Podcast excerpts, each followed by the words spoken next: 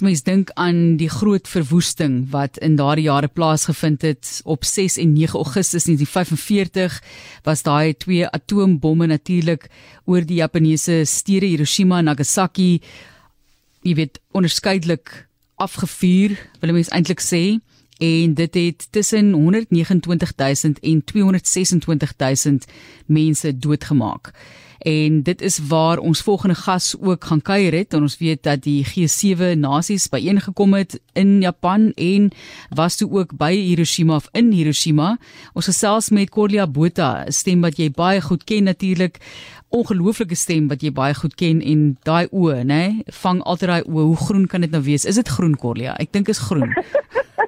Weet jy wat my oë verander ek kleur met hoe ek voel of of ek siek is of nie of hoe gelukkig ek is maar hulle is meeste van die tyd groen. okay, so ek kan dink dat dit baie verander maar dit is so pragtig oplettend. Makolia, dit is nou al baie lank terug. Ek, ek verklap nou nie ouderdom nie. Ek dink jy is jonk genoeg om nog te sê hoe oud jy is.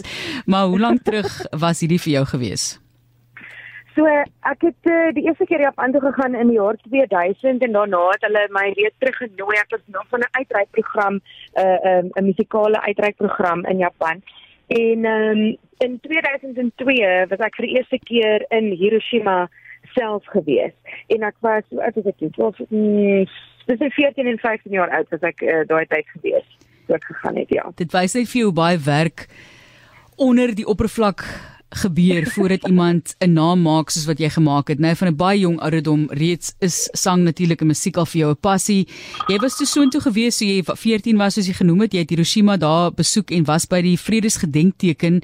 Jy het ook daar opgetree en ek weet nie hoe mense altyd optree wanneer dit so 'n emosionele geleentheid en 'n plek is wat soveel emosie ontlok nie. So hoe hoe het jy dit hanteer? Ek meen ek, ek was ek was baie baie jonk nog, maar ek was oud genoeg om te verstaan wat gebeur het en ek, ek dink ek is een van die baie baie baie bevoorregtes in die wêreld om op so jong ouderdom bewus gemaak te word van van so 'n uh, gebeurtenis sal ek sê. Ehm um, so wat gebeur het was ons was ons was vroeg die oggend uit en, en ons Japaneese toergroep het ons gevat na die die museum toe in Hiroshima en ehm um, jy kan natuurlik met jou met jou oorfone rondloop wat ook al taal jy is, het hulle 'n 'n band vir jou na te luister soos wat jy deurloop. En ek kan nie vir jou sê as jy inkom is een van die grootste goed wat jy tref. Hulle het twee weergawe in 'n uh, jy weet op klein skaal het hulle 'n model van Hiroshima hoe die stad gelyk het voordat die bom geval het en dan na die bom geval het. En dit is ek meen dit is met die intree slag jy weet die eerste ding wat jy sien en jy kan net nie jouself indink hoe so iets kon gebeur in in 'n matter of seconds is is 'n hele stad, 'n groot stad net uitgewis.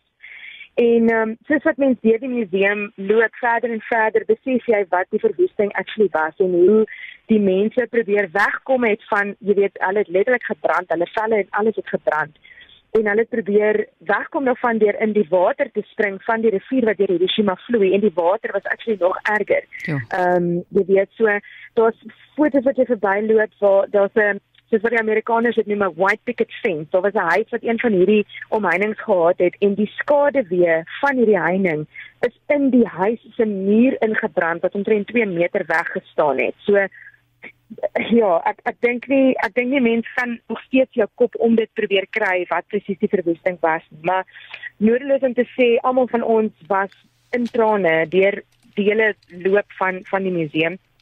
En toe ons uiteindelik uitgekom het, het hulle ons vanmiddagete gevat. Ek dink dat ons net weet dat ons sinne kon kom.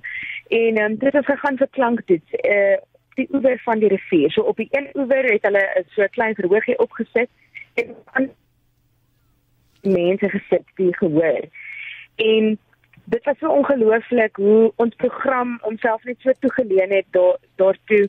Ehm um, vrede was natuurlik die die hoof ding waaroor almal gesing het en iets een een van die liedjies wat ek so baie goed kan onthou. Ek het 'n lied geskryf vir daai jaar, Song of Peace. En daarna het ons John Lennon se Imagine gesing. En terwyl ons dit sing, steek die mense kersies aan wat in die rivier afvloei en hulle steek 'n kersie aan vir iemand wat hulle verloor het in in die die ehm um, voorval of iemand wat hulle onthou van hulle familie of vriende en dan vloei dit letterlik so dit vlout in die rivier af terwyl ons die liede sing en dit was net so 'n hoendervleis oomblik en dis regtig iets wat ek nooit nooit in my lewe sal vergeet nie.